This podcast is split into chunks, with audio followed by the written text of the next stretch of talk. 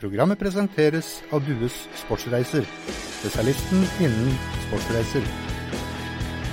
Hei og godt uh, nyttår. Velkommen til en ny runde med fotballradioen. Jesper, rett fra tennisbanen. Ja, nå er klokka eh, ti torsdag morgen. Jeg starta en tenniskamp mot min gode venn Ole Martin Aast 21.00 i går. Jeg tok det første settet i et tiebreak, altså 7-6. Så tapte jeg det neste 3-6. Så vant jeg det tredje settet 7-6. Så tapte det fjerde settet etter å ha hatt mange matchballer 6-7. Og da gikk vi inn i det avgjørende settet 0-0-30. Og jeg vant altså det 6-4 og hadde egentlig ganske god kontroll. Har fått forbedra serveren min kraftig, så nå har faktisk ikke Åst sjans. Jeg tapte jo alle kamper foran i 2017, men i 2018 så har jeg faktisk vunnet to av tre kamper. Jeg har vunnet to av uh, de siste kampene vi har spilt. Altså to strake har jeg nå. Så er jeg i storform. Jeg var så sliten. Ole var så sliten at han måtte kjøre på bensinstasjonen for å kjøpe seg en stor helnøtt. For han var totalt tom. Blodsukkeret var så lavt at han så både to og tre tennisballer de gangene jeg fikk lov til å serve. Så det var gøy. Vi spilte tre timer tennis på lørdag, tre timer tennis på søndag, tre timer tennis i går. Så vi har altså spilt ni timer tennis siden lørdag. Vi er i storform på tennisbanen. Vi syns det er så gøy, og allerede har vi booka ny kamp på lørdag. Og Før du kom inn her, så sa jeg til deg at jeg syns du så litt uh, bedre trent ut, litt tynnere ut kanskje enn for to måneder siden, men du mener at det fordi du har fått en ny sveis? Ja, jeg var og klippa meg i går, så der tror jeg faktisk den forklaringa ligger. Jeg har trent jevnt og trutt gjennom året, jogga en del. Nå har jeg riktignok spilt en del uh, tennis de siste ukene, så antall timer trening har jo gått opp du kraftig. Du høres jo ut som eh, når jeg holder på i tre timer og må på bensinstasjonen for å kjøpe helnøtt. jo, men kanskje... du blir jo sliten på en helt annen måte. ikke sant? Ja, altså, vi kalorier, går jo en del, og så spanner vi og steiker. Og her om dagen så fikk jeg faktisk kjeft av en av de eldre i klubben for mitt språkbruk etter å ha slått en ball i nettet. Hvem var dette? Harald Haugedal? Nei, det var ikke Harald Haugedal. Det var en kar som jeg aldri har møtt før. Han kjefta ikke direkte til meg, men Ole Martin hadde snappa opp at han hadde bedt meg gå en annen plass. Eh, jeg legger meg flat. Jeg skal ikke banne mer i tennishallen. Uh, der må jeg rett og slett skjerpe meg. Vi har fått med oss en uh, gjest. En fun fact-mann. Tidligere lagkamerat av han du spiller tennis med. visste yes, du det? Han uh, kom visstnok til Tromsø samtidig som Ole Martin Årst i sin tid. Denne karen er god i alle idretter, men jeg tror ikke han er en god tennisspiller. Men han er faktisk Vest-Agders beste fisker.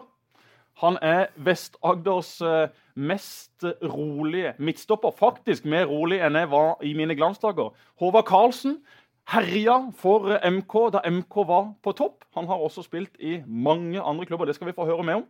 Men Håvard, hjertelig velkommen. Takk, takk. Det er nok også mange som kjenner deg som eh, sportslig leder i uh, Vindbjart, men det er du ikke nå lenger. Men det var du en del år? Ja, jeg var vel fire år, tror jeg. Og så ga jeg meg i fjor. Og nå eh, er jeg kun med som dugnadstrener på et eh, tolvårslag. Så er en ting vi bare må få rydda av banen med en gang. Håvard, vi har jo en, en journalist i uh, redaksjonen i Fjellandsvennen som jobber med sport, som heter Håvard Karlsen. Som uh, har intervjua et antall ganger. Det har vært Håvard Karlsen overalt i Byline og, og, sånne ting. Dette er ikke journalisten heldigvis, Håvard Karlsen. Heldigvis ikke. Det Men er det mange som tror, tror, Han er stor Liverpool-fan, og da hadde vi blitt sittende og snakke mye om Liverpool. Dette er the real Håvard Karlsen. Er det noen som har trodd at du har jobba i Fjellandsvennen? Absolutt. Det var jo en, en tid der uh, børs, børsen til MK ble gitt av Håvard Karlsen. Sånn at, uh, det fikk jeg kjørt meg mye for. Og så har det vært en del mailer på avveie også, i begge retninger. Ja. Noen telefoner fra mine elever og mailer til han. og... Noen uh, hemmeligstempla mailer fra, uh, som skulle til, uh, til, meg fra um, folk i Vindbjart, f.eks. Ja. Så har det vært noen pikante mailer, noen interessante opplysninger, eller har det bare vært vas? Absolutt. Det har vært kjempespennende ting. I forbindelse med overgangen til, til Simulasjon så havna jo en mail på avveie. som gikk til feil HK. Oh, ja, okay, ja. Så da, da var Feven godt informert? Da var Feven bedre informert enn jeg var. Ja. Mm. Men du har jo uh, vært med å utvikle mange spillere i uh, Vindbjart. Og mange som nevner ditt navn når de, når de ser hvem som har, har uh, kommet opp. Det har vært Jon Hodnemyr, Simon Larsen, Henrik Ropstad. du har sikkert navnet på flere år som havna i toppfotballen. Daniel Aase, selvfølgelig. Hva gjorde at dere fikk det til der oppe under din tid, Håvard? Mm, nei, jeg tror jo at uh, Jeg husker når jeg kom opp dit. Det var jo Nils Sverre Ingebretsen som var sjef, og Steinar Skeie var akkurat kommet tilbake som trener. Og um, det var egentlig helt sånn upløyd mark der oppe. Det var uh, som Steinar sa, det var som å se utover ei eng med masse snø, ikke ett spor. og sånn har det vært de siste Litt sånn under sand over Steinar? Ja, ikke sant? Rett og slett litt under sand. Som for øvrig er fantastisk. Så røyk han i, i farmen med en gang. Skandale! Ja, det er Den mest interessante deltakerne rett ut! Helt enig. Helt quiz. Ferdig med farmen. Aune Sand har jeg også brukt på Jeg hatt noen sånne damenes tale på, på jobb. og Da har det vært Aune Sand vært tema begge ganger. Akkurat. Ja. Eh, men eh, ja, det var altså Vi kunne jo nesten ikke gjøre det Altså, vi kunne nesten ikke trå feil, følte vi. Eh, for det hadde ikke blitt sånn i forhold til spillerutvikling så hadde det ikke vært én eneste spiller som hadde gått fra Vindbjart til en eliteserieklubb noen gang. Så det var jo det var noen som hadde gått til start, og, og litt som gjerne i førstedivisjon, eller via Fløy, eller litt sånn. Sånn at vi, vi visste jo at det var, vi hadde alt å vinne når vi heiv oss i gang. Og så eh, ja, kjørte vi i gang, og, og det var jo en beintøff prosess de første to, eh, to årene. Med masse krangling og ja, Det var sånn uh, standard topp uh, breddekrangling. Uh, Hvor mye ressurser som skulle gå til, til A-lagssatsing osv. Absolutt. Det var, det var alt. Uh, og folk, Vi hadde et tau, men det ble altså dratt i alle retninger. Noen sto og dro rett imot, og noen dro ut til siden. Og, og veldig få gikk samme vei. Sånn at uh, eh, det var tøft. Og jeg kom litt utenfra, så jeg ble litt sånn for- forskåna for det verste. liksom. Sånn at det, det, det var lite sånn personlige ting for min del. Men eh, mange av de der eh, lokale guttene fikk jo virkelig kjørt seg. Og, eh, og noen av dem endte jo opp som uvenner, og, og er jo uvenner den dag i dag, tror jeg. Sånn at eh, det, var, eh, det var beintøft å få gjennom den linja. og hva var linja? Fortell kort om linja. Linja var jo egentlig, vi, vi snudde jo opp ned på hele Vindbjart. egentlig. Vindbjart var jo kjent for, som, for meg som kom ut fra, så hørte jeg jo det var en klubb med masse krigere som dunka opp ballen og, og kriga etter og takla hardt. og Det var vondt å møte dem og alt det der. der. Og så snudde vi opp hele greia med innførte klareringsforbud. eh, Vi innførte at eh, at eh, resultater telte ikke eh, nedover i systemet. Vi, eh, det var kun A-laget som ble målt etter resultater. De andre ble målt etter utvikling og spillerutvikling og ferdighetsutvikling og sånne ting. Også, så det er klart, jeg husker vi, det var jo spillerutviklere i Vindbjart eller talentutviklere den gang som boikotta Vi skulle ha en sak om det i avisa, men boikotta. De ville ikke være med på at det skulle stå klareringsforbud under deres navn. Sånn at vi innførte en del ting der i Vindbjart som, eh, som var helt nytt. Og eh, Men Var det mest for å tvinge på en måte frem en ny måte å, å tenke på? eh, ja, det var jo både det, men også for å skape de fotballspillene som vi ønska å skape. Vi var veldig sånn tydelige på hvilke typer vi ønska å skape. Vi ønska å skape gode én-mot-én-spillere. Vi ønska å skape fotballhurtige spillere. Vi ønska å skape tekniske spillere og holdningssterke spillere. Det var de fire eh, knaggene vi hang det på. liksom. Sånn at, eh, eh, og det er klart, det var vanskelig å, skape så veldig mye tekniske spillere hvis du bare pælma ballen opp. Og samme er god én-mot-én-spillere. Hvis du bare pælma han opp, så fikk de sjelden mulighet til å utfordre.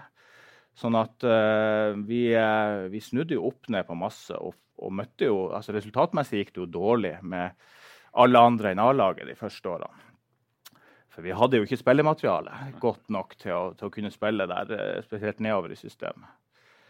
Men i forhold til, til spillerutvikling så var jo altså mye av jobben var jo gjort av andre klubber i forhold til de vi har sendt videre til Eliteserien. Vi, vi var bare ganske flinke og, og heldige og henta de rette typene. Og så fikk vi dem opp til Vindbjart, og så var jo eh, er et ganske godt opplegg rundt A-laget, med masse tillit og, og et eh, mantra som sto så sterkt at eh, vi, vi, eh, vi, vi sa at du får lov å feile, men aldri ikke lov å feige. Sånn at spillerne fikk plutselig spille med stor selvtillit om de feila og vi slapp inn et mål, så ble de applaudert videre på en måte. Sånn at vi fikk nok uh, en del spillere som kanskje ikke hadde kommet igjennom uh, til, til, å få en virkelig god utvikling med å bygge på seg selvtillit, få lov til å, til å herje litt med motstanderen, føle seg overlegen. Fordi at Om de eh, klarte det åtte av ti ganger, så var det godt nok. Da fikk de den følelsen. Så fikk de ikke kjeft når de Så var du også en uh, sentral del av spillerne på banen i uh, denne oppbygginga av krydderfotballen til Steinar Skei. Da spilte du midtstopper og var jo kanskje den viktigste spilleren med tanke på frispillinga deres de, de første årene de begynte med dette. Ja, jeg gikk inn og spilte midtstopper. og så For meg hadde jo vært med på en del innenfor fotballen. sånn at det var... Bare for å ta det først da. Hvilke klubber har du spilt for, eh, Håvard? Kan du dra oss kjapt gjennom det? din Nei, Jeg begynte i Ringvassøya, en liten klubb ute på, eh, på ei øy langt imot nord, ei lita bygd. Som for øvrig hadde skapt mye flere eliteseriespillere enn Vindbjart hadde gjort. Det var 500 stykker som bodde der. men men vi mangedobla dem. Men i hvert fall, også, også gikk jeg vel til Tromsø, spilte der noen år sammen med tennismakken din, som, som, dere nevnte. Og, og, eh, og, så var jeg stort sett skada hadde tre beinbrudd i løpet av de årene. Så var jeg utleid en liten periode i Harstad, i, i Obos. Og så uh, ville kjæresten min flytte hit, eller sørover, og så ville ikke jeg til Oslo. Og dermed så havna vi her. Det var sånn kompromiss. Så var jo MK det beste laget på, på Sørlandet. på den Vi kommer tilbake til MK etterpå. Men da var det også MK, og så da til slutt eh, Vindbjart. Ja. Så... Men havna du i MK vi må ta det først, havna du på Sørlandet og i MK fordi MK ville ha deg, eller flytta du ned og fant deg en klubb? Eh, nei, jeg gikk vel ut i avisa oppe i nord og sa at vi hadde lyst til å flytte sørover. så, så abonnerte tilfeldigvis Svein Hansen på, på den avisa? Svein Hansen var på jobb. ja. Og så, eh, så, Det er jo tilfeldigheter. Øyvind Pedersen, eh, nordlending som hadde studert sammen med, spilte jo da høyreback i MK, sånn at han tipsa sikkert folk der. Og, ja. Så gikk det litt. Og så det var jo en del klubber i Oslo også, som var uh, aktuelle, men jeg var jo en landsens gutt, så jeg kunne jo ikke flytte til Oslo. Det var jo altfor alt skummelt. Men også, uh, Vi har jo sett uh, Håvard spille fotball mange ganger, Jesper. Men hvis du sjøl skal beskrive deg som, som, fotballspiller Du var vel en offensiv spiller og en wing, i hvert fall tidlig i, i karrieren, før du ble, ble midtstopper? Jeg var egentlig var jeg sånn mellomromsspiller og midtbane, indreløper. Ganske målfarlig og godt driv og god, ganske bra å drible.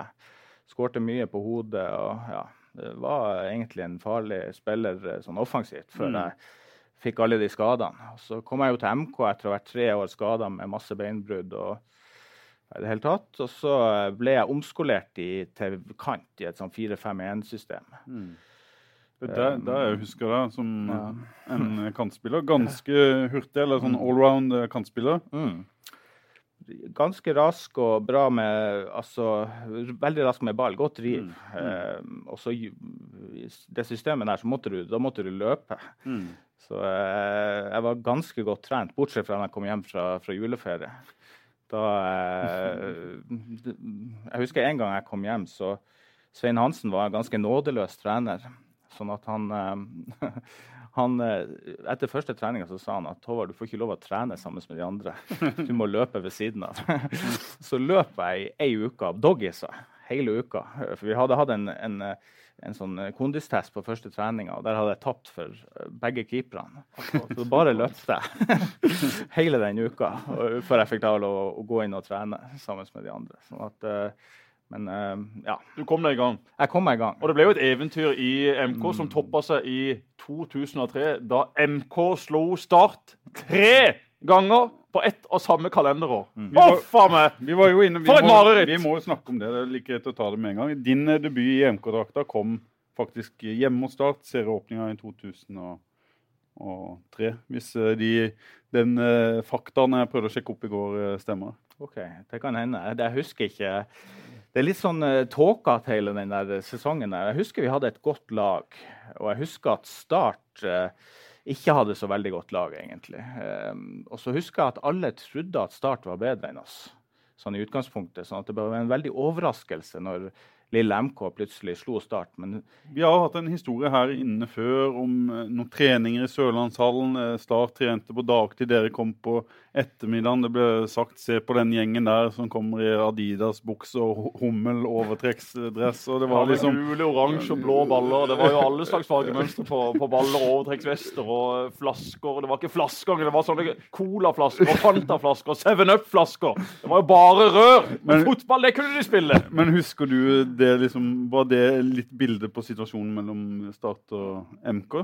Jeg, jeg, jeg kan ikke minnes det, men jeg, jeg husker jo at uh, det var en gjeng fra Mandal, ei kjerne der, med gode fotballspillere, egentlig. Men uh, det er klart, de var jo, det var jo bona, som vi sier i, i Nord-Norge. Altså bønder, på en måte. Og, og uh, de eh, men, men de var altså, godt skolerte, er god gode. keeper, Bjørn Arild ja, Hofstøl. Du hadde Inge Nilsen, Ja. som spilte i midtforsvaret. Atle Roar Haaland hadde du Mm. selvfølgelig. Henrik Nyhus, Mm. som løp inn det ene målet etter det andre. Mm. Fagnarstøl, ja. Han var en tøffing. Tore Hansen, ikke minst. Roger Rasmussen, Ja. Sandal Smerud, Leif Gunnar Smerud. Leif Gunnar Smerud var Ja. fantastisk på sitt beste. Mm.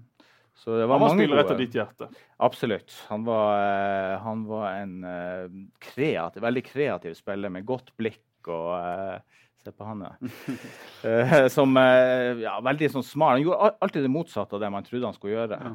Så han, uh, han overraska ofte motstanderne. sånn. Det gjorde han jo også da han ble spurt om han var aktuell for A-landslagstrenerjobben i timene før Lagerbäck ble lansert. Så sa han bare eh, det må du ta med Nils Johan. Vi ligger avkreftet. Og VG, rett ut, Smerud ny landslagstrener. Godt jobba, VG. Du var vel eh, aktuell, kanskje? den Store. Han kan da umulig ha vært aktuell uten Nei. å ta mer om, om den saken. Men Håvard, dere slo Start i Mandal. Men det beste og råeste minnet må da være da dere rundspilte Start på Kristiansand stadion og vant 3-0. Hmm. Jeg satt med pappa på tribunen. Vi gikk etter 70 minutter. Vi gikk på 0-3. Han har aldri gått fra en kamp så tidlig før. Men da hans kjære Start lå under 0-3 mot eh, Carlsen og co., da var det bare å komme seg hjem og eh, grine oss i søvn. Det må ha vært rått å være så mye bedre enn en klubb som skal være så mye større og så mye bedre, med så mye mer ressurser. Mm. Ja, det var, Husker du den kampen? Den kan jo ikke være i tåka.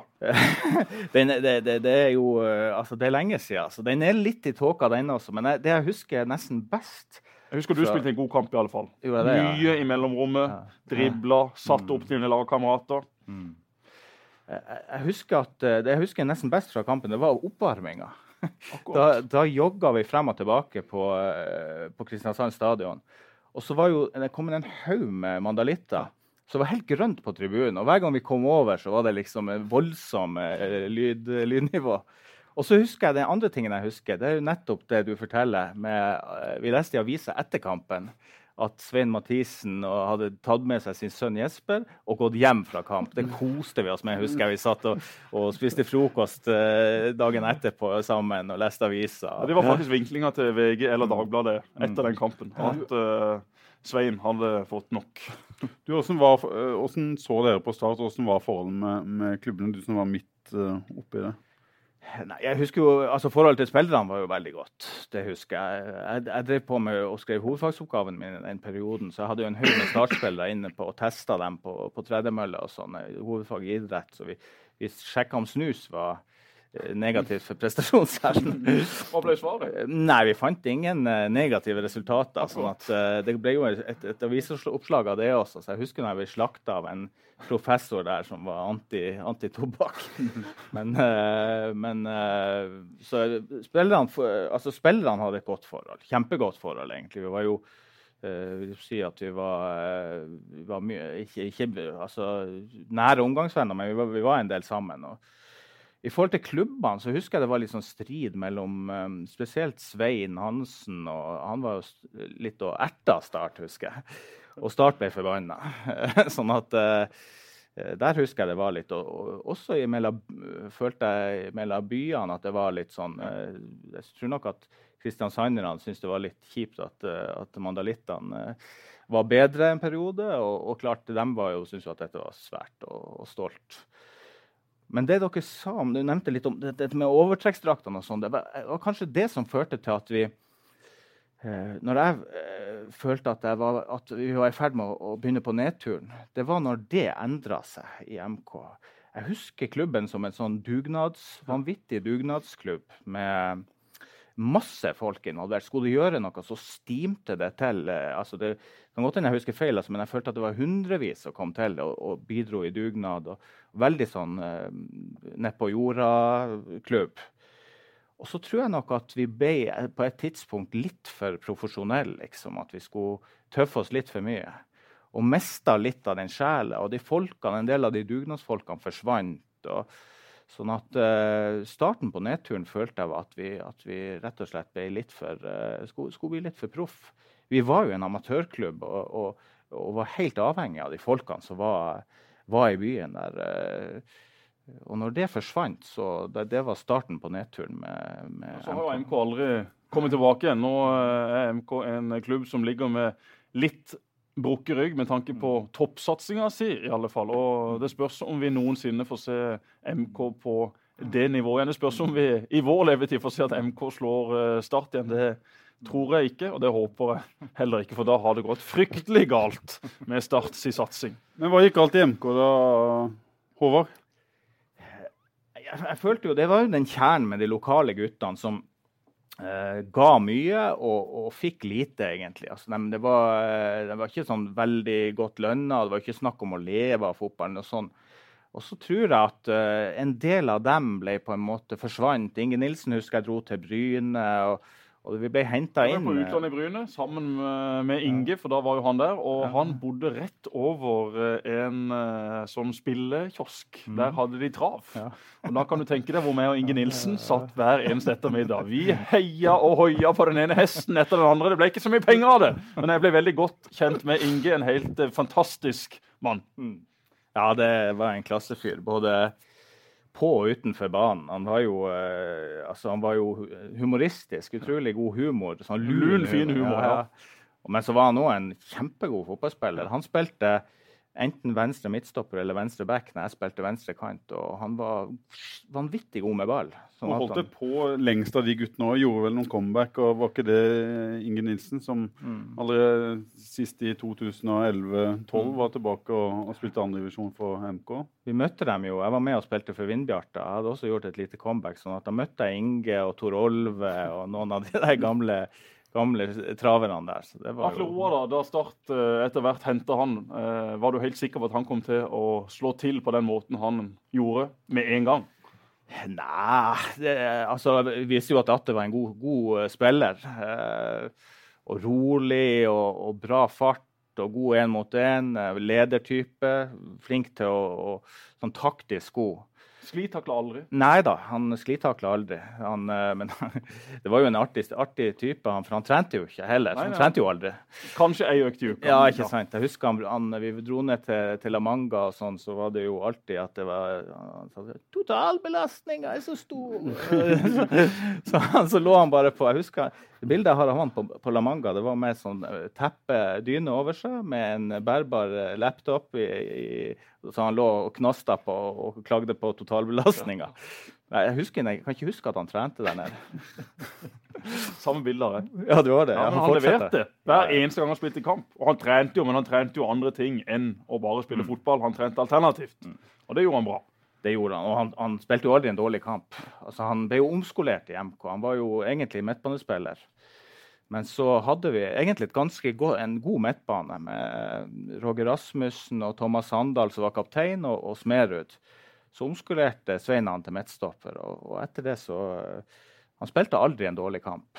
Sånn at han eh, det er klart det var en god spiller som var Jeg husker det var jo litt krig eh, når vi, når vi mista han. Svein var ikke noe særlig fornøyd. Han var solgt litt sånn uten, nærmest uten at Svein hadde godkjent det. sånn at uh, der var det ikke noe særlig. Og Atle var også en spilleren som Tom Nordli virkelig hadde respekt for da Tom var starttrener. Jeg husker spesielt på ei økt ute på Dønnestad. Ute med Kjevik, ute på Tveit, for de som vet hvor det er. Og da hadde vi tidligere økta hatt en hest galopperende over banen. For det er også en del hester der ute på Dønnestad. Og da kom det ei stakkars uh, jente med en hest, og den hesten den sleit seg fra henne og galopperte rett over banen. Og hva gjorde Tom da? Tok han seg av hesten? Nei, han gjorde ikke det. Gikk han bort og eh, ga beskjed til hun stakkars lille jenta? Ja! Det gjorde han. Ganske klar og tydelig beskjed. Litt senere i økta så har vi en sånn eh, øvelse hvor vi skal trene på oppspillsmønster. Ballen skal tilbake til stopperen, og stopperen skal slå ut til kanten. Så får Atle en ball tilbake, og så bommer Atle på ballen. Og så treffer han altså Tom Nordli klink i ryggen. Altså knallhardt! Og hadde det vært alle andre enn Atle, så hadde vi sett ut som den hesten. Da hadde vi også galoppert over banen, inn i garderobebygget og ut i bilen og langt vekk fra Dønnestad. Og Tom er altså rød i ansiktet idet han snur seg, men så sier han at det er Atle. Og så sier han ingenting. Så Atle, kapteinen, han hadde faktisk dyp respekt hos uh, Tom Nordli. Så Atle klarte til og med det. Atle var fantastisk i start. En fantastisk spiller å spille sammen med. Gjør nå en god jobb i Agder fotballkrets. Bor også da på Lund, Johan Ødegaardsvei. Uten at vi trenger å gå nærmere inn på akkurat husnummeret. Du snakka litt om en annen som eh, tydeligvis innga respekt. Eh, Svein Hansen, som du hadde som trener, som det går masse Bror til eh, Tore. Tore Hansen, som i dag er Norges beste dommer. Hvordan var da Svein Hansen som trener? Uh, nei, han, uh, altså, han, var veldig sånn, tydelig trener. Han visste nøyaktig hvor han ville. Ganske kynisk. Uh, hadde jo likte å spille 4-5-1 og, og, var opptatt av at det skulle jobbes og det skulle Mye lange pasninger. Ikke helt etter min ånd, da, ikke etter mitt hjerte i forhold til spillestil, men, men det er klart han oppnådde jo masse med, med MK. og så han hadde masse, masse gode sider som trener. Og, eh, men eh, jeg, tror nok kanskje at jeg var en av de spillerne som krangla mest med Svein i forhold til uh, dette med spillestil, i forhold til uh, øvelser og litt sånn forskjellig på trening. Jeg husker blant annet han, Jeg hadde en spiller som het Erlend Falkgjerde. Han, hadde altså, han hadde fått beskjed om at han, han skulle ikke, vi skulle ikke spille pasning på fot på Ellen. Bare på hodet. Han var 1,95 høy og god spenst. Han, han, fikk ingen pasninger på fot, og han var jo kantspiller. Sånn at eh, Det var liksom å drive han over til han, og så, og så skulle han heade han videre. liksom. Så, um, og Svein Hansen drev jo med mind games. Vi har hørt om uh, Sir Alex Ferguson, José Mourinho, hele gjengen som liksom driver med mind games. Men Svein Hansen drev med mind games lenge før disse gutta. Og det også må jo ha vært gøy i garderoben og sett hvordan han tirra på seg, spesielt da startgjengen. Ja, han, han koste seg veldig med det. Han tok jo av mye av presset fra dere mm. inn mot disse kampene. Når han sa at vi slår Start ni av ti ganger. Mm. Og det gjorde det. Jo, da slo iallfall tre av tre det året. Absolutt. Og han, han, og han, koste seg stort med det der. Han, når vi spurte han om det og han prata om det, så vi så liksom hele Han lyste opp hver gang han, han fortalte om uh, om eh, hva han hadde fortalt i hva som kom i avisa dagen etterpå. så han var Nei, han, han, eh, Det var jo eh, det var alltid spennende hva han hadde uttalt seg. Vi visste aldri hva han, hadde, hva han uttalte seg om. Sånn at, og i forhold til de startkampene, så Men der, der følte vi vel at vi var bedre enn dem som spiller for spiller på mm. den tida. Uh, ja, det var det ingen tvil om. Du, vi må bare ha en liten eh, break. Det kom noen eh, store nyheter. Det er derfor jeg har sittet litt i, i, telefonen. Det er ikke at Slatko Tripic trener med Viking, men at Fredrik Haugen kan havne i Start. Jesper, du vet sikkert noe om dette. Når jeg sier det til deg, Håvard, eh, hva tenker du da om Start skulle lande Fredrik Haugen fra Brann? Eh, nei, det er klart det er jo er god forsterkning for Start. Det er jo eh, kanskje i et ledd som de trenger forsterkning også. Sånn at eh, det er jo mye som skjer i, i Start nå. så Spennende å se hvordan for meg, blir, for meg, er jo det en sånn vanvittig stor signering og ganske mm. utenkelig. Men eh, er dette liksom signalet på at en satser skikkelig hvis en får til noe sånt? Ja, det er klart. De har jo signalisert at de skal satse beinhardt. og det, det, kommer jo masse spillere inn, og det virker jo som de har en plan i forhold til hva de gjør. sånn at uh, men jeg hadde vel forventa kanskje også at de henta noen skikkelig etablerte storkanoner for å virkelig fortelle både seg sjøl og folk at, at det her er ikke noe det er ikke noe tull. Her skal de være med og, og, kjempe. Og det er klart, Skal du være med og kjempe i Eliteserien, så da er du nødt til å ha noen rutinerte, etablerte spillere som har noen kamper der også. Og det har nok ikke Start for mye. Er det din drømmesignering Jesper, hvis du skulle valgt én spiller fra en annen eliteserieklubb om Fredrik For det Haugen har første så var dette helt nytt for meg, men jeg kan i hvert fall si hva jeg mener om Fredrik Haugen. Og Ja. det er en helt fantastisk fotballspiller. Som du sier, Pål, dette er en spiller som eh, bør være umulig for Start å få tak i. Jeg har hatt ham på årets lag i Eliteserien de to siste årene. Han har levert eh, assist, han har levert mål. Han har vært eh, Brann kanskje sin viktigste spiller. Og Brann tok sølv. De burde også klart å tatt medalje i år hvis de hadde vært litt mer stabile mot slutten av sesongen. Han har en eh, kreativitet, et fotballhode, en eh, pasningsfot som er i en helt egen klasse når han er på sitt beste. Han har ikke vært innom det norske A-landslaget, men at han ikke har vært det nå, går vel mer på at ikke Lagerbäck trenger den typen spiller. Han er kanskje litt for offensiv i den posisjonen han eh, spiller i. Så kan Start få landa en slik spiller. Ja, da må det bare være å ikke sprette champagnen, men i alle fall kjøre et par kinaputter. For det er et sterkt signal til eh, alle andre om at Start virkelig mener alvor med sin eh, nye satsing. Og Så får vi nå se hva som eh, skjer. Hvor sto dette? Dette er en sak som vi har, eller som Bergens Tidende har, som vi har øh, Den har utspring i Bergens Tidende, men selvfølgelig da også hos øh, Fjellandsvennen, i og med at vi har samarbeid med, med BT. Så det blir spennende å se. Og Slatko Tripic, som øh, trener med Viking, det er jo også, kan jo også bli noe. Er ikke det en mann Start øh, kunne henta, Jesper? Jo, altså Start eh, har jo henta inn Elliot Kjekk på eh, venstre wingback, venstre kant, venstre back. Og så har man jo Vikstøl og Ropstad og Børrufsen på venstre fra før. Så venstresida er sånn sett relativt eh, godt dekka. Så har du da høyresida som Vikne, Åse det er klart, Der er det litt mer spørsmålstegn. Der tror jeg nok Dempsey kunne tenkt seg å ha en klarere ener, selv om jeg tror begge de kommer til å bidra veldig mye i, i 2018.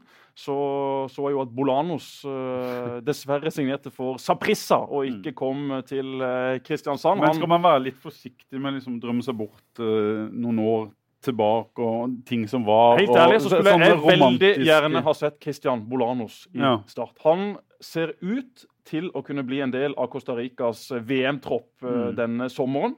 Og det i seg sjøl sier jo da at han har ekstremt med motivasjon for å være så god som mulig. Jeg har sett en del av kampene han har spilt for eh, Vancouver i MLS. Mm. Det har ikke vært den gode, gamle Bolanos. Han har mista litt av farten, litt av bevegeligheten. Men han har jo fortsatt eh, denne klassen. altså Du ser når han mottar ballen, når han eh, spiller opp sine medspillere. Han gjør det så majestetisk. Det er den beste spilleren jeg noensinne har spilt med. Han var en Mm. helt egen klasse på trening, i kamp.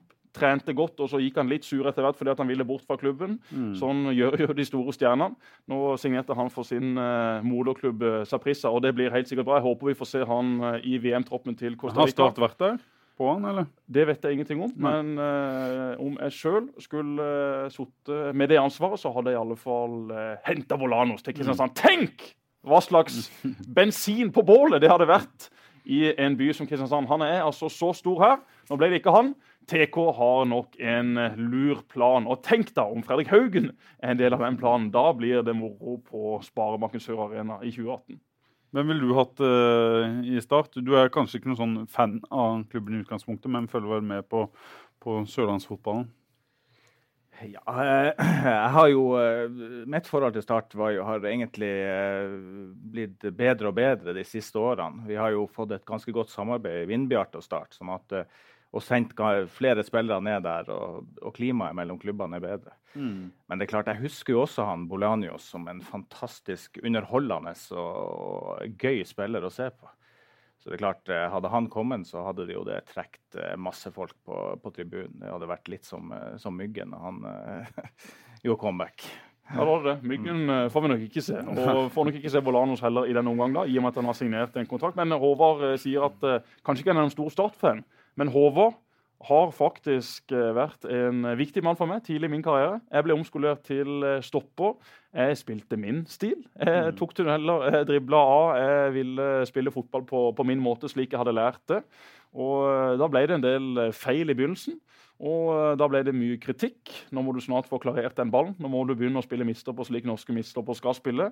Og da var det én mann som jeg alltid husker sendte meg melding etter kampene. Det var Håvard. Som sa fortsett å spille på denne måten, Jesper. Du gjør det strålende. Du kommer til å bli kjempegod.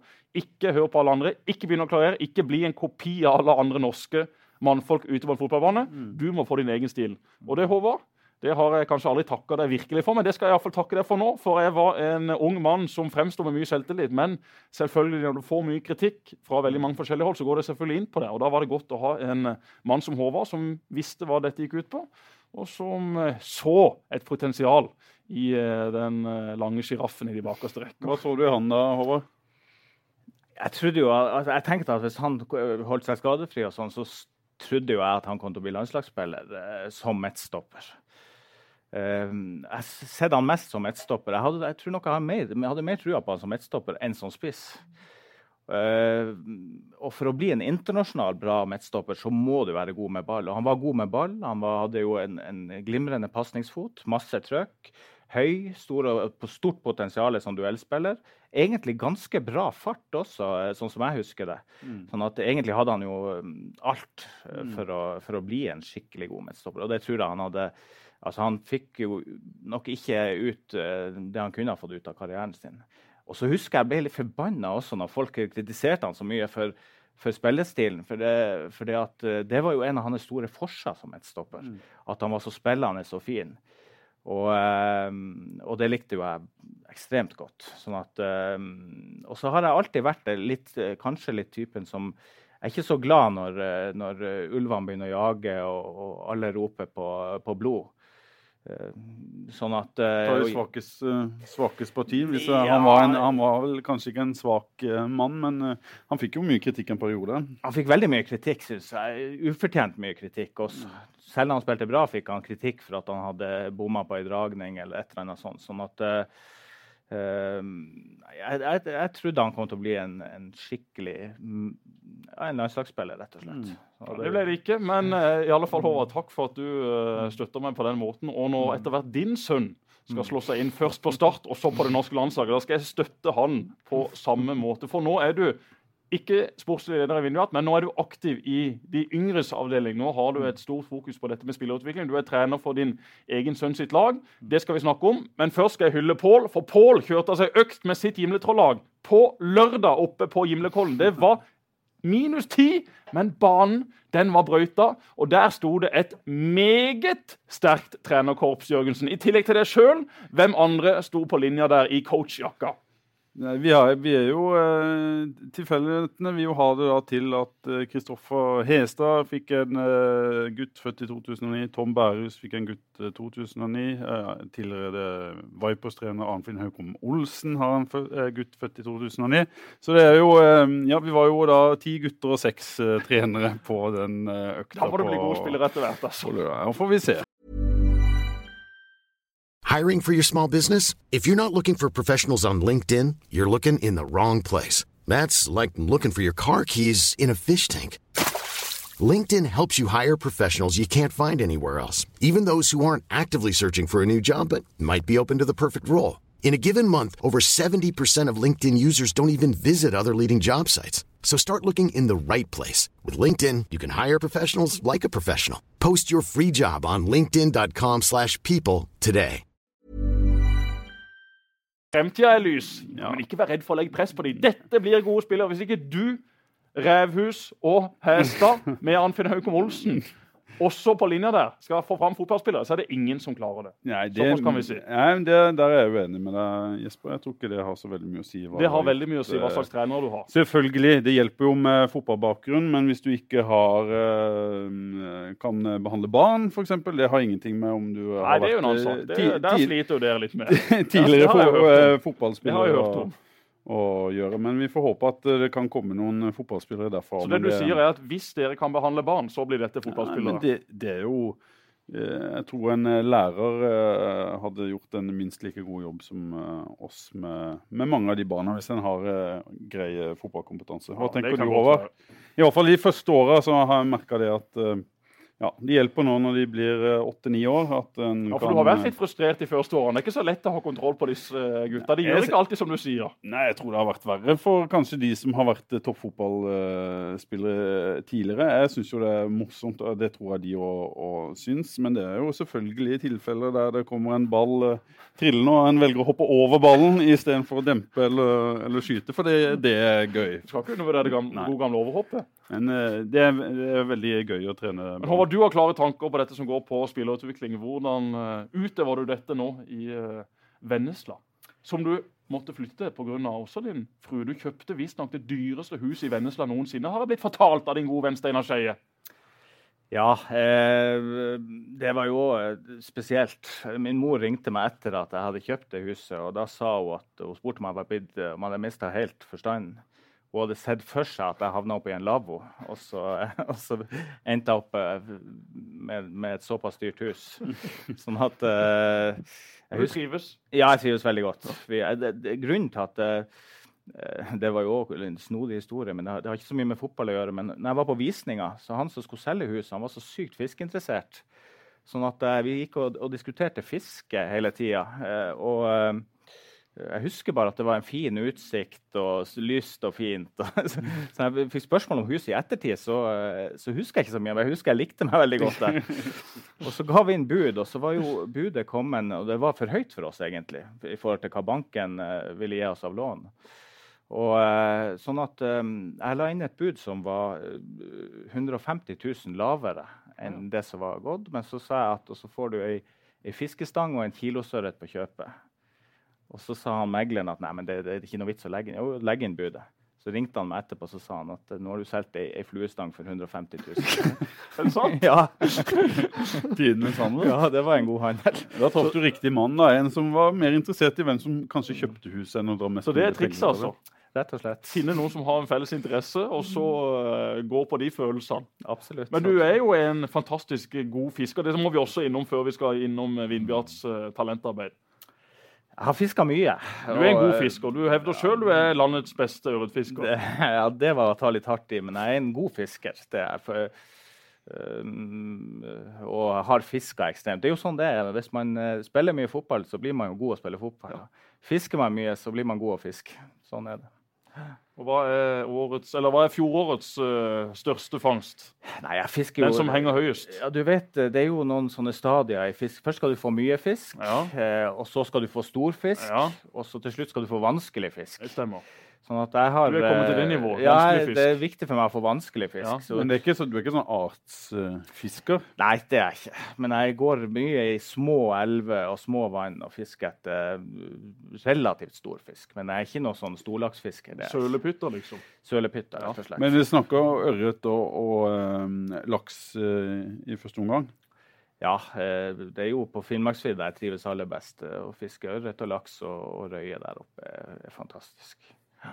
Og her nede har du noen eh, fisketips til, til de lokale. Hvor er Du skal ikke gi de beste elvene og de beste vannene, Håvard, men et lite tips da til oss som prøver å gå etter sjøørreten, men som kun ender opp med makrell! Det beste tipset etter sjøørreten, helt uh, utvilsomt, det er at du går ut i, på en varm maidag, litt sånn seint i mai.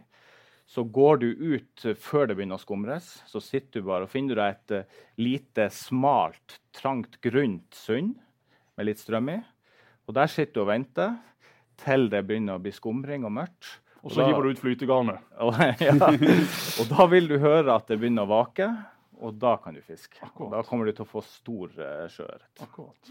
Med flue? Må du fiske med flue hvis du skal ha den eh, Eller, Eller wobbler. Ja, du kan fiske med hva Spinner. som helst. Ja, absolutt. absolutt. Men det er jo eh, litt eh, det er jo, det er jo litt, liksom litt uh, Som flueklekking og typer som klekker når. Og, kan du sånne ting òg, eller? Ja, jeg skrev jo, det var, En gang så skrev jeg en, en døgnflueguide på 55 sider. om eh, Norges eh, 49 døgnfluearter. Døgnflueguide på 55 sider. Ja, det var, det var, jeg var skikkelig opphengt i det der. Ja, det må du ha vært. Mm. Har den solgt bra? Eh, den kom aldri for salg, sånn at jeg okay. bare delte den ut sånn, til, eh, til dem som ville ha den. Ja. Tenk deg om du nå kan finne en skikkelig interessert mann i døgnfluer og komme med den boka i en budrunde.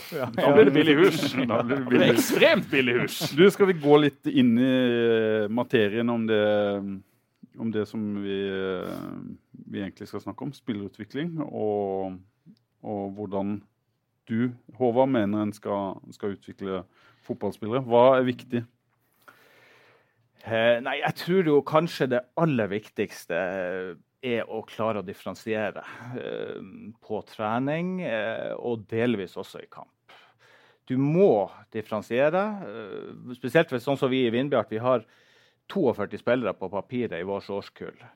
Sånn at, eh, og der er det fra de som trener gutt og tolv. ja, gutter 12, ja. Det er fra de som trener 20-25 timer i uka, og ned til de som er på ei økt annenhver uke, og som ikke rører en ball mellom de to øktene. Og det er klart, hvis de skal spille eh, med, med, med og mot hverandre eh, og eh, behandles likt, så er det krise egentlig for begge parter. Det blir altfor få utfordringer for de gode, og de begynner å kjede seg. Og det blir altfor tøft for de dårlige, og de slutter å spille fotball. Sånn at uh, Men er du helt klar på at uh, du vil ha med de som trener en gang annenhver uke, at de er en viktig del av, av totalpakka? Absolutt. Altså, vi ønsker jo, Det er jo en, en sånn visjon som er jo litt sånn poppy- poppis i Norge. Flest mulig, lengst mulig, best mulig. Men uh, for å få med folk Vi, vi starta som 22, og nå er vi 42. Uh, for å få med folk så lenge som mulig, så er du nødt å, å gi dem utfordringer på sitt nivå. Hvis de ikke får det, hvis det blir for store utfordringer eller for små utfordringer, så uh, da går det i dass. Da slutter folk. Sånn at det er klart, jeg syns det er viktig, det er viktig å ha med så mange som mulig så lenge som mulig. For det, det er noe om å være i et idrettsmiljø, sunne, gode interesser. Eh, ikke havne i andre, litt, kanskje litt mer tvilsomme miljøer. Du kan jo berge en del folk med, gjennom idretten. Men, men vi må være flinke til å ta vare på de der eh, topp motiverte også. For det, at, eh, det vet man jo at de som, for å bli god å spille fotball, så må den motivasjonen være på topp. Og det, det, det, det, det hjelper ikke å begynne når du er 14 år, liksom. Du Hvordan løser dere dette med differensiering da, i, i trening og ikke minst da i, i kamp? Nei, vi har jo et, eh, et intrikat system på det årskullet vårt. Eh, Vi har egentlig fått ganske mye kritikk, selv om det var jeg som lagde strukturen i Vindbjart. Nå er det jo andre folk som har overtatt, så vi har fått ganske mye kritikk fra klubben i forhold til, til dette. Men, men eh, vi, eh, vi har lagd et system der vi differensierer på nesten hver trening. Eh, Stort sett i tre grupper eh, der de spiller mot og med hverandre. På, da det, blir det en sånn eh, 10-12-15 spillere i, i hver gruppe. Ofte har vi kanskje litt mindre spillere i den svakeste gruppa, og flere trenere på den svakeste gruppa, for å, å veilede og coache enda bedre. Og så eh, får jo spillerne velge. Vi tilbyr dem fire treninger i uka, og de velger hvor mange treninger de ønsker å gå på. Eh, Noen går som sagt på én trening hver andre uke, mens noen er på alt. 100% I forhold til kampdifferensiering, så ofte den der største bøygen i forhold til å få med seg foreldre og klubbledere osv., så, videre, så eh, har vi i utgangspunktet gått på prosent. At de som trener mer enn eh, 80 de eh, får mulighet til å spille ett år og opp på, eh, på et nivå, pluss eh, nivå 1 på sitt eget årsklasse. Men betyr det, Har dere et eh, lag eh, som spiller et år opp, eller sender dere de videre oppover til noen andre? Nei, sånn som vi hadde i år. Vi, hadde, vi har ganske eh, stor bredde blant de beste spillerne. sånn at vi meldte på et eget kamplag eh, et nivå opp på, på nivå 1 der. Som egentlig klarte seg veldig godt. Og, eh, og masse jevne kamper. Med mål om at de skulle få kjørt seg, med mål om at de skulle få møte bedre spillere. Sånn. Så hadde vi to lag på nivå 1 i, i vår egen årsklasse, og ett lag på nivå 2. Og det er klart, de spillerne her, vi, vi jobber jo etter en modell der vi ønsker at oftest mulig skal de være i, i den um, der de mestrer og behersker og alt det der. der. Så mest mulig skal de spille der de passer best. Eh, men så skal de av og til få prøve seg mot bedre spillere, og av og til få prøve seg mot dårligere spillere. Sånn at alle spillerne i stallen har spilt på, alle, på, eh, på forskjellige nivåer. Alle de fire nivåene, eller alle Ja. fire lagene. Bortsett fra de som trente for lite. De, de spilte kun på nivå to. Ja. Og det var en sånn um, avtale vi hadde med foreldre, og alle syntes det var en fair avtale. Klart, Du sa likevel at det har vært litt uh, Jeg vet ikke om du vil kalle det bråk, eller kanskje noen konflikter, eller noen stemmer som har vært uh, misfornøyde. Hvordan har dere løst det, og hva har det, hva har det gått på? Nei, det har jo eh, Altså, vi, vi, eh, vi hørte jo et opplegg denne sesongen som var eh, sånn som jeg fortalte dere nå. Men så er det jo en ny sesong som kommer nå. Og da er jo spørsmålet om vi får lov til å kjøre det samme opplegget. Og jeg tror nok at det får vi ikke lov til, rett og slett, hos klubben. Selv om jeg mener at det er soleklart best, både med tanke på å beholde spillere og med tanke på utvikle spillet. Jeg tror at vi kommer til å miste en del spillere denne sesongen pga. at vi, vi ikke får lov til å differensiere nok i kamptilbudet. Er det selve selekteringa som er, er ankepunktet? At en, en skaper et skille innad i en gruppe der noen er gode og noen er ikke fullt så gode? Er det det som på en måte er utfordringa? Ja, det, altså, det tror jeg nok. Altså, for å si det sånn, Løsninga som er foreslått, det at hvis du ikke kan eh, At alle kan spille på alle lag, så må vi bare melde på alle lagene på nivå to. Og Det er klart, eh, det, det blir for, eh, for dumt. Vi har spillere der som er absolutt blant de beste på Sørlandet. Og det er klart I en nivå to-kamp så vil de kunne skåre åtte-ti mål på egen hånd og bare drible alle. Sånn at og det er klart, Ankepunktet er nok Jeg, jeg tenker litt som jeg er jo lærer, utdanna lærer og lektor i bunn. Og, og mattelærer, f.eks. Jeg, jeg setter jo ikke de som, som har minst fagkunnskap, med å jobbe med sekseroppgaver. Det gjør jeg bare ikke, for det blir helt feil i min praksis. Dem må jeg sette med å jobbe med lette oppgaver. Til de behersker dem, så kan de gå videre på et uh, nytt nivå. Og på samme måte så setter jeg jo ikke sekserne til å jobbe med toeroppgaver. De må jo få utfordra seg på sitt nivå. Og, eh, og det er helt, Hvis du ikke gjør det i skolen som lærer, så da gjør du ikke jobben din. Mens i fotballen som trener, så skal du nesten ikke få lov til å gjøre det. Og det syns jeg blir feil, rett og slett. Blir jo litt provosert når du hører dette, Jesper? At ikke han som har kompetanse, kan få lov til å styre dette?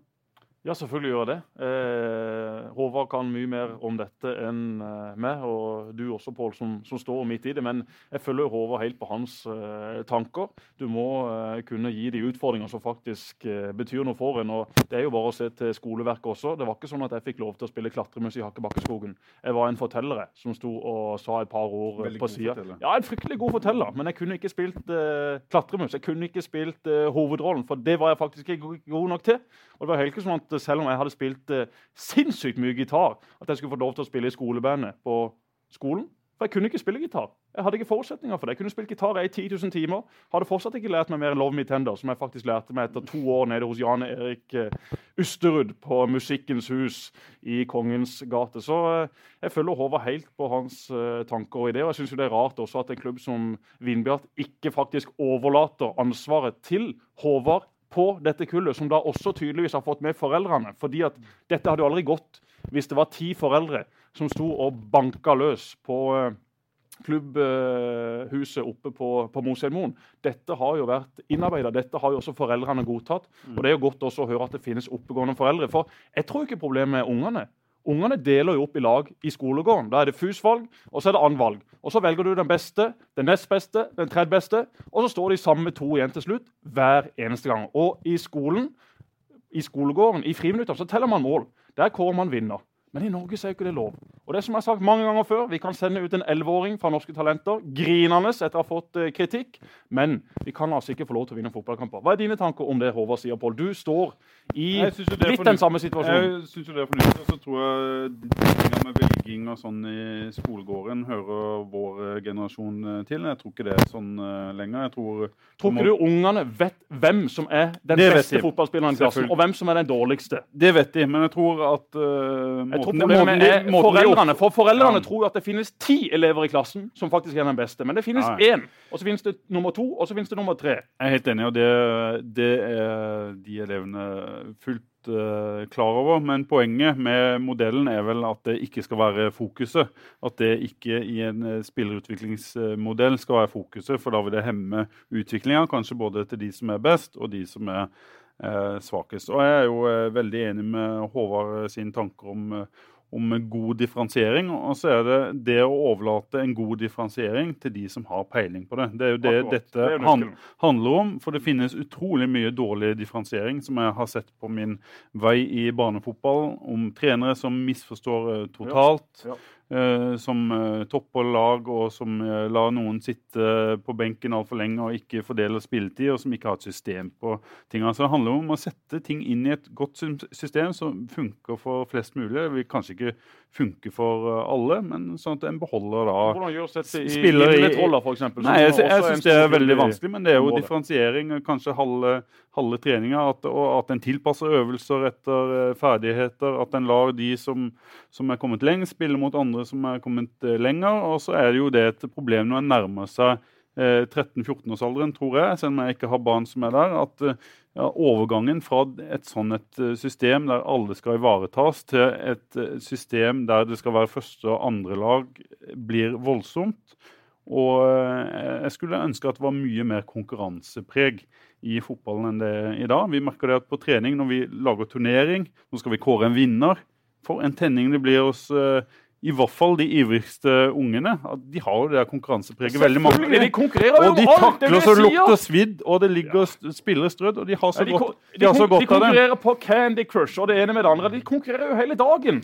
Så Vi må ikke tro at unger er blitt plutselig helt naive og ikke har forstått hva det går på å vinne. De elsker jo å vinne. Og så tåler de også å tape. ja, det tror jeg også. Skal du, gå gjennom, skal du gå gjennom livet uten å lære deg å vinne eller tape? Er det sånn vi tror det? Livet er jo fullt av opp- og nedturer. For noen er det ekstremt mye nedtur, for andre er det veldig mye opptur. Men også for de er det nedturer. Men jeg tror, jeg tror samtidig at hvis vi hadde hatt resultatfokus i barnefotballen, så hadde det vært eh, skadelig. Det er jeg ganske overbevist om. Ja, At- det er ikke det jeg sier, men ungene forstår det jo. Ungene forstår resultatet. Ungene forstår hvem som Det vinner, hvem som taper, hvem som er gode, hvem som er dårlige. Vi må Men- ikke tro noe annet. Men vi hadde fått et problem i barnefotballen om vi arrangerte barnefotballturneringer for eh, åtteåringer og delte ut pokal til vinnerlagene Da hadde vi fått eh, mange som eh, lå igjen bak der og hadde fått Ja, de, dårlige opplevelser. det gjør de på Island, og der får de i hvert fall fram gode fotballspillere. Ja. Men de har jo ikke i nærheten antageligvis av den bredden vi har i Norge. Eller de har mange fotballspillere på Island, men de har, prosentandelen av folk som spiller fotball i barneåra, blir jo mindre av et sånt system. Og det for å utvikle toppfotballspillere, kanskje det er en, en vei å gå, men det er ikke det som er målet med, med fotballen vi skal ha Williamson inn som gjest neste gang han er i, Ja, i Kristiansand. Og han er jo vi- sjokkert over mye av de tingene som er i Norge. For han er jo involvert i Willy, sin sønn, sitt eh, kull. Og bare det at i Norge så får alle lag og alle spillere pokaler etter en Mm, turnering. ja, ja. På Island så får vinneren.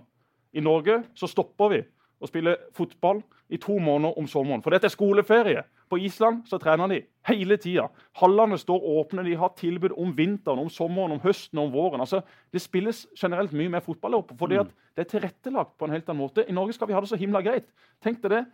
Om sommeren, når barna er på sitt beste, Håvard, så tar vi plutselig fri. Og så har man siste trening jeg vet ikke, dere vet dette bedre enn meg, men Før jul så har man siste trening, så har man en pause langt ut på vinteren. og Så har man kanskje ei økt ute i Sørlandshallen. og that's it. jeg tror nok de fleste, de lag der det er ivrige både foreldre og gutter, prøver å trene mest mulig gjennom vinteren, som det er i dag. Men den pausen fra mai til eh, midten av august er jo egentlig eh, ganske meningsløs. Ja, det er vel, der må det vel eh, gjøres noe. Eh, Håvard, du må si hva du, eh, du tenker eh, om disse tinga. Eh, vi lagde jo i Vindbjart eh, etter idé fra Teddy Moen. Han kom med et sånn, jeg husker vi hadde et møte, så sa han at eh, løkkefotballen har forsvunnet. Og, og, men det kan være en løsning å organisere seg frem til uorganisert aktivitet. Og Da starta vi et prosjekt som heter Prosjekt Løkkefotball. Det var mens jeg var sportslig leder ennå. Og det var eh, på sommeren, rett og slett, der vi inviterte dem som hadde lyst til å spille fotball, ned til Motselmoen. eh, To eller tre dager i uka. Hadde vi en A-lagsspiller som bare møtte opp. Han hadde en ball med seg, noe vester, delte lag, spill. Og så delte vi inn i aldersgruppe etter klokkeslett og sånn. Og, og eh, den ideen er ført videre nå, så den hadde de også i sommer i Vindbjart. Så det sikrer jo at en del får spilt en del. eh, Men jeg, jeg, er jo ikke, jeg opplever jo ikke det at løkkefotballen har forsvunnet. Jeg, er jo, jeg bor eh, mellom to fotballbaner. Når jeg kjører forbi det, enten det er sommeren eller det er vinteren, så er det barn på, på banene. Men det kan jo hende at det er litt sånn spesielt. Men jeg, jeg tror Jeg bor på Gimlekollen, der jeg vokste opp. ja, Jeg var på Løkka hele tida. Ja. Det var det eneste stedet jeg var. Jeg fikk nesten ikke venner utenom de som var på Løkka. Og jeg kjører forbi den Løkka den har i dag. Vi holdt på på grus. Nå er det kunstgress og flomlys og det ene med det andre. Oftere er det tomt der enn det er spillere der. Ja. Og det som Håvard sier, det å organisere uorganisert aktivitet, det har jeg også sett et strålende eksempel på oppe på Gimlekollen. Der er det altså en fyr som er et par og tyve år, Arsenal-fan, Simon Dalen Gundersen, har vært involvert i Gimletroll, vært involvert i ungdomsfotball i, i flere år. Han har lyst til å bidra. Han har lyst til å skape fotballspillere. Han har lyst til å lære noe av dette. Så han har lagt ut en melding da på Gimletroll sine Facebook-sider. Jeg arrangerer frivillig økt på Trekkjønnbanen klokka 11 denne den dagen. De 20 første som melder seg på, de får bli med. Mm. Og når jeg har kjørt forbi den banen de søndagene han har hatt dette tilbudet, så har det krydd av unger og foreldre. Han har satt opp noen enkle øvelser, og ungene har altså løpt til banen. Foreldrene står fornøyde på sidelinja og ser hvordan disse gutta først og fremst lærer fine ting av en eh, fotballtrener som er kompetent. Men det skal jo ikke mer til. Det skal ikke mer til. Og så har jeg kjørt forbi neste søndag, da, når han da ikke har hatt dette opplegget. Ja, så står det tomt klokka 11. Det kan godt være at de kommer senere på dagen, at de ligger hjemme og sover, eller hva i all verden de holder på med på en søndag formiddag. Men dette viser bare at jeg tror jo også det, at hvis man kan organisere dette uorganiserte kunne Start for eksempel hatt Startpatruljen, som hver lørdag eller hver søndag reiste ut til Vågsbygd, Randesund, eh, ja, gjerne til Vennesla, eh, opp på Gimlekollen, på Kristiansand stadion og sagt ok, vi stiller med to trenere her, to trenere der, to trenere der. Vi er der klokka 11. Da står kjeglene klare, da står målene klare. Da begynner økta. De som vil komme, de kommer, og så kjører vi ei heidundrende fotballøkt. Det skal ikke mer til. Syns du om den ideen der? Jeg synes det er en glimrende idé. Jeg- tenker også, altså I fotballøkt trenger ikke å være så voldsomt mye heller. Det, det, du trenger en fotball, og så trenger du to lag, eller eh, litt, lage litt av turnering. Så kan du få ei kjempegod fotballøkt. Men jeg, litt, jeg tenkte også litt på i forhold til dette med differensiering og topping. Ikke sant? Det, jeg føler at det, det er mange som blander de to begrepene.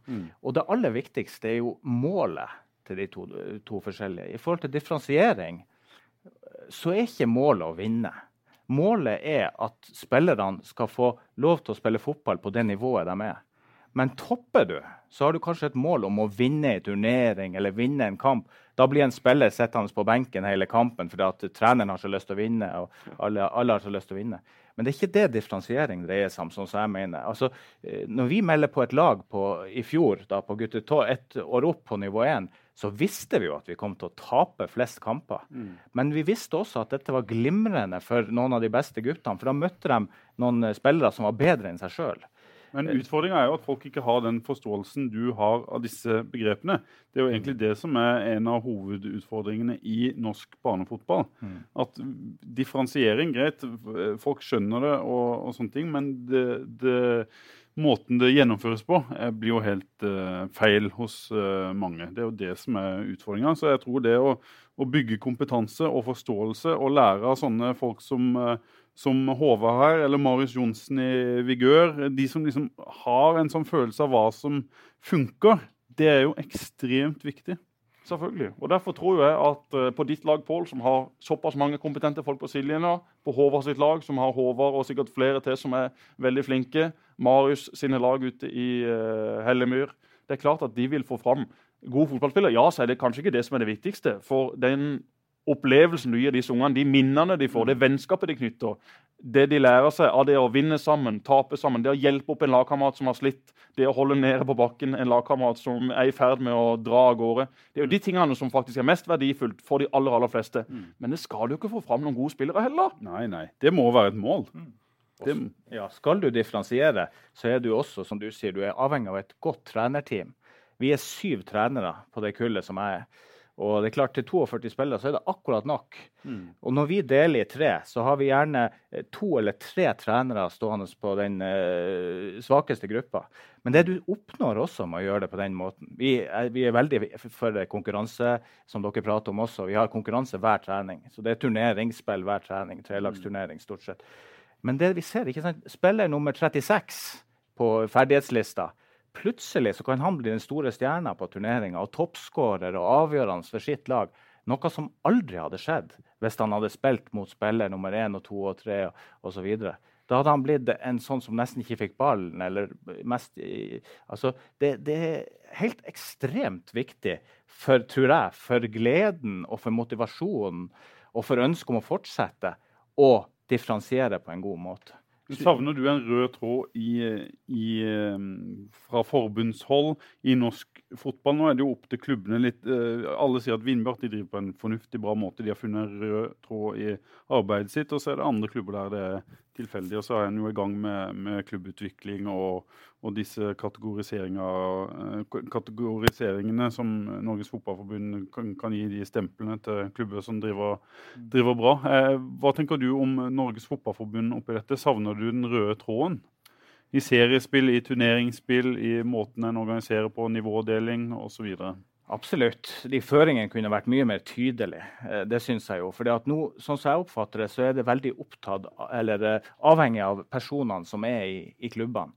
Vi kan godt si at Vindbjart driver bra, men det er avhengig av folkene som er der. Det kan godt hende at Vindbjart eh, drev bra for ett år siden og nå, men kanskje ikke til neste år. Eller kanskje altså man, det, Jeg vil jo si at de, hvis du skal plukke noen klubber på Sørlandet som jeg synes har virkelig vist at de kan få frem spillere. Vindbjart, vi har ikke visst noe annet enn at vi kan hente noen, noen uh, bra spillere ganske unge, og så utvikle dem videre mm. til å bli eliteseriespillere. Det er vi gode til. Mm. Men vi får jo ikke opp egne. Det er jo Jon Hodnemyr som er, som, og kanskje Daniel Johansen som har visst noe fra egen, egne rekker. Mm. Men, uh, men, de som har drevet bra, det er jo sånn som Vigør. De har jo fått opp en haug med spillere mm. uh, til start og til, til, andre klubber. Du har Lyngdal, som også har fått opp masse spillere fra egne rekker. Og det er jo det vi snakker om nå. I Vindbjart så har vi, eh, vi har, eh, en skikkelig bra eh, gjeng med spillere som er ganske unge foreløpig. Eh, de kullene som har gått det IFO-løpet, altså idrettsfritidsordninga, helt fra de var syv år, fra de begynte på skolen, seks-syv år, eh, de er nå 13-14 eh, år. Der kommer toppspillere. Det er sagt i Vindbjart uh, i, i, lang tid. Er du trygg på det også? Ja, det, gjøre, altså, det, er jo ikke sånn at de kommer av seg sjøl. Vi er jo nødt til å være med og bidra på å, å, skape dem. Hvis det arbeidet som nå har vært pågått i Vindbjart i, i de siste seks-syv årene, hvis det endrer seg, at det plutselig ikke blir lov til å gjøre det ene og det andre, så kan jeg jo ikke garantere noe. Men det jeg ser Men Du mener at de som er, eh, har gått det løpet og som er 13 år nå, at de, når de kommer inn i, i seniorfotball og sånn etter hvert, at det kommer spillere derfra? De har, det er ikke noe tvil om at de spillerne har potensial til mange, og det er mange som har potensial til å bli toppspillere. Eh, hvor mange vi får, det vet vi ikke, men det er mange som har potensial. Men det er heller ikke noe tvil om at de årene som kommer, fra de er 12-13-14 år nå, og så frem til de eventuelt debuterer på et Vindbjart A-lag og skal videre, det er jo superviktige år. Mm. Og gjør vi det feil, hvis vi plutselig eh, bestemmer oss for å gå i en annen retning enn det Vindbjart har gått i eh, årene tidligere, så, så, kan mye av det være ødelagt. Hva er viktigst da, da når de blir 14 til 18, hvis du tar de eh, åra der? Nei, jeg... Er det der, der, en del av utfordringene ligger? jo sikkert der òg for norsk eh, fotball? Altså det, det, viktigste da, syns jeg, da, det er eh, som jeg har sagt, dette med å, å differensiere. Men det er også viktig å lære dem å trene godt på egen hånd. Det er derfor vi starta akademiet med Daniel Aase og Steinar Skeie og den gjengen der. De lærer dem å trene egentrening. For det vet vi. Vi tilbyr dem fire-fem økter i uka. Mm. Men skal du bli god nok til å spille på Start eller til en annen eliteserieklubb en dag, Tromsø, mm. så, så, eh, så, kreves det mye mer enn det. Og du må trene mye på egen hånd, og du må trene riktig. Hva gjorde dere? Hva gjorde du, Håvard, når du var mellom 14 og jeg vet ikke hvor gammel du var når du kom inn i seniorfotballen? 16-17 kanskje? Ja, jeg var, jeg var, vel 15 år da jeg begynte i ja. tredjedivisjon på, på min lokale klubb. Men vi trente jo ekstremt mye. Det, altså, Jeg vil påstå at, eh, nesten påstå at jeg ikke kjenner noen som trente så mye som jeg gjorde i den perioden. Vi hadde en gymsal. Og det var interessant, for jeg satt med, på, og hørte foredrag med han Bratseth og Østenstad og Solskjær. og dem. De hadde også en gymsal ute, ut på landet der, så de trente tre mot tre.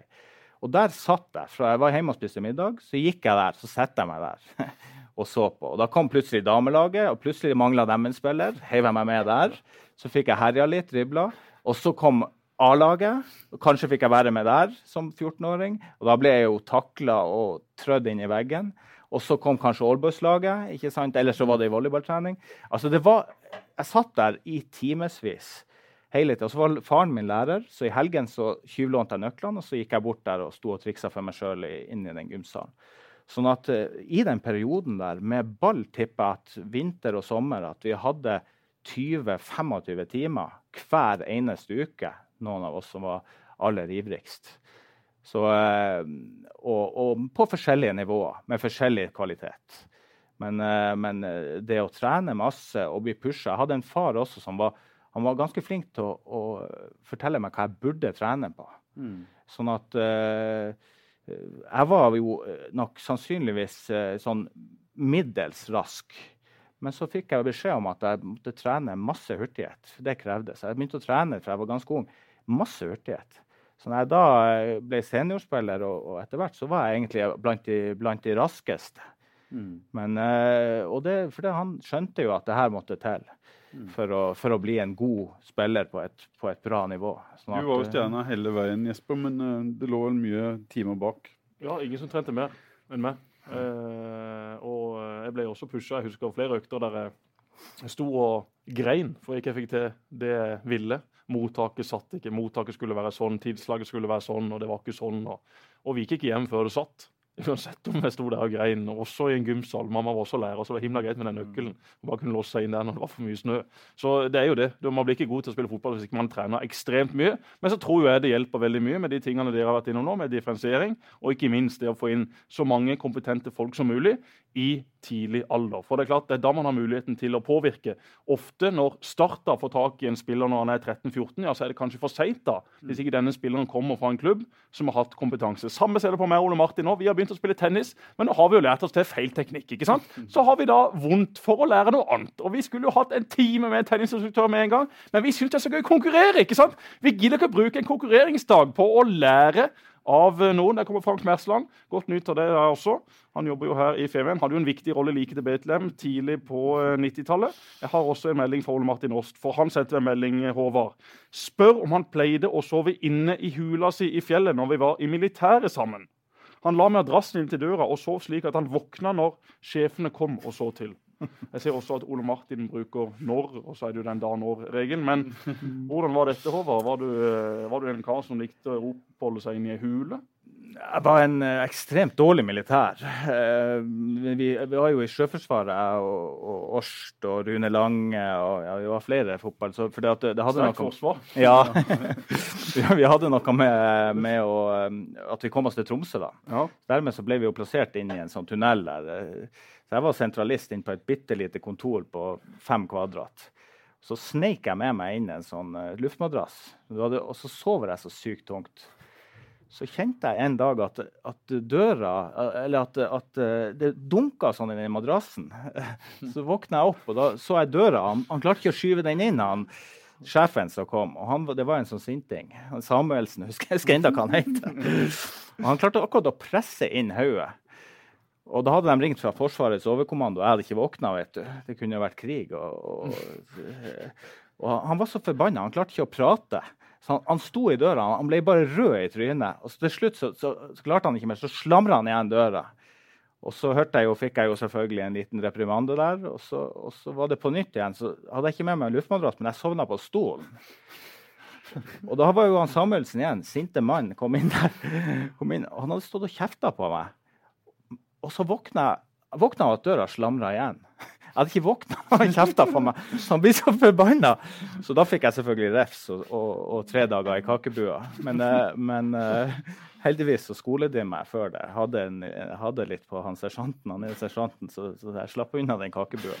Og så sier Steinar Skeie at uh, du er flink til mange forskjellige idretter, men noen stor skiløper er du ikke. Og så har han en historie fra Hovden, hvor du da ble eh, fortalt at du skulle ned uh, danskebakken, er det det heter. Men det var en helt annen bakke du ble sendt ut for. Han, eh, jeg hadde jo aldri vært på Hovden før, så jeg hadde bare med meg tur, tur, eh, sånn, turski med stålkanter. Skulle kjøre Telemark ned, liksom. Være litt sånn sakte, ikke ta noen sjanser. Så, eh, når da Steinar foreslo danskeløypa, så tenkte jeg jo Det hørtes så flatt ut, ikke sant? Danskeløypa. Så det hørtes fint ut. Så jeg heiv meg med opp der. Og, og her kommer jo Er det noe som heter Vesthenget? Ja, stemmer det. Stemmer det. Og der var det is. Det er bratt. Speilis der.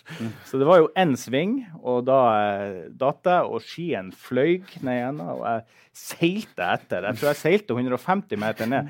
Steinar sto nede, han hadde kjørt ned med slalåmski og sto og humra der. Men så, han, skien kom jo i 1000 km i timen, så han holdt jo på å kløyve han i to når han sto der nede. Så nei, det var en farlig Men han, han, han koste seg godt med den, den historien der. Det er Har vi noe mer på Håvard? Vi har holdt på en uh, Ja, vi har noe mer. Det finnes sikkert masse historier på Håvard, men uh, vi må etter hvert kjøre en skikkelig eh, debatt og idémelding rundt dette med talentutvikling. Og da må Håvard selvfølgelig inn i studio. Ja. Så jeg får heller si det sånn at vi må ha Håvard tilbake igjen. Da så får du ha skitt fiske enn så lenge. I like måte. Og lykke til med tolvåringene. Er de nå gutter 13 i 2018? Nei, de er gutter 12 nå. De er gutter 12 nå, ja. Mm. Så får vi se om da Start signerer Fredrik Haugen. Det hadde vært, det hadde vært eh, maks. Vi sier takk for eh, nå. Altså. Det er spennende tider i Start. Jeg kan si såpass at jeg tror Start blir det laget i Eliteserien som blir mest forbedra fra 11. januar fram til 11. mars. Så de to neste månedene så kommer det til å skje store ting i Start. TK han er langt ifra ferdighandla. Det er bra. Takk for i dag. Programmet presenteres av Dues Sportsreiser, spesialisten innen sportsreiser.